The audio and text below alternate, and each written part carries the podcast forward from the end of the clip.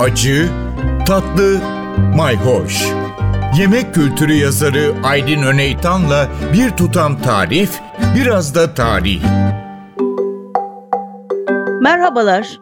Ev ekonomisinden bahsettik. Aslında bu işin okulları da var, kitapları da var.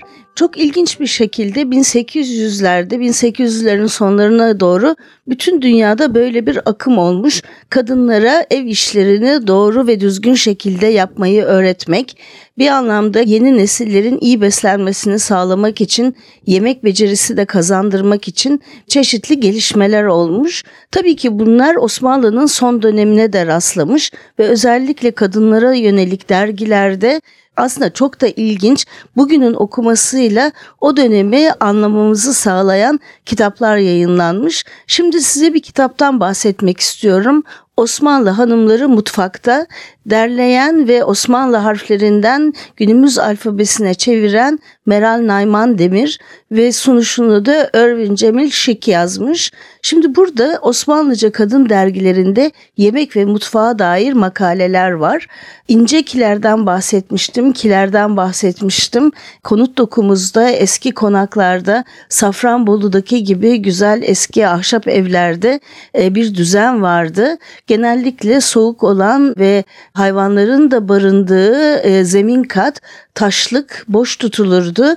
Yukarıdaki hayat kısmında ise yaşam sürerdi, yenilirdi, yatılırdı ve o zamanlarda tabii ayrı bir yemek odası yoktu.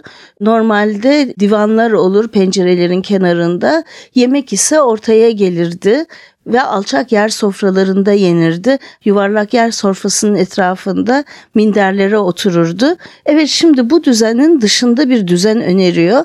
Mesela evin tertip ve tanzimi konulu bir başlık var yemek odasının nasıl olması gerektiğini anlatmaya çalışıyor.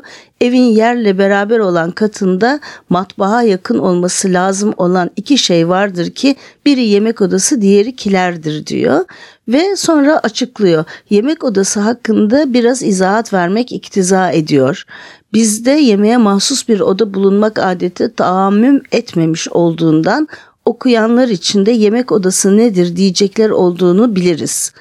İşte şimdi burada uzun uzun sonra yemek odasının niye olması gerektiğini anlatıyor. Çünkü yemek yenen yerle yatılan yerin bir arada olmasının doğru olmadığını uzun uzun anlattıktan sonra yemeğe tahsis olunacak odanın birinci şartı matbah ve kilere yakın olmasıdır diye bütün detayları anlatıyor. Ev tiplerimiz de değişti. Artık daha ziyade apartman dairelerinde oturuyoruz. Oturma odası ile yemek odası bir fakat yatak odası ayrı. İşte o zaman birazcık da hijyen açısından böyle bir öneri getirilmiş. Eski Osmanlıca yazılmış dergilerde adab-ı muaşeret kitaplarında devam edeceğiz ve gene Almanya'da Amerika'da olan kadınlara yönelik okulları inceleyeceğiz. Gerçekten bizde de benzerleri aslında olmuş fakat bugünkü modern hayatta bunların hepsi unutulmuş. Ev ekonomisinin tarihine bakarken biraz da arada püf noktalarına geri döneceğiz. Takipte kalın, hoşça kalın. Bir tutam tarih, biraz da tarih. Aydın Öneytan'la Acı Tatlı Mayhoş Arşivi ntvradio.com.tr adresinde Spotify ve podcast platformlarında.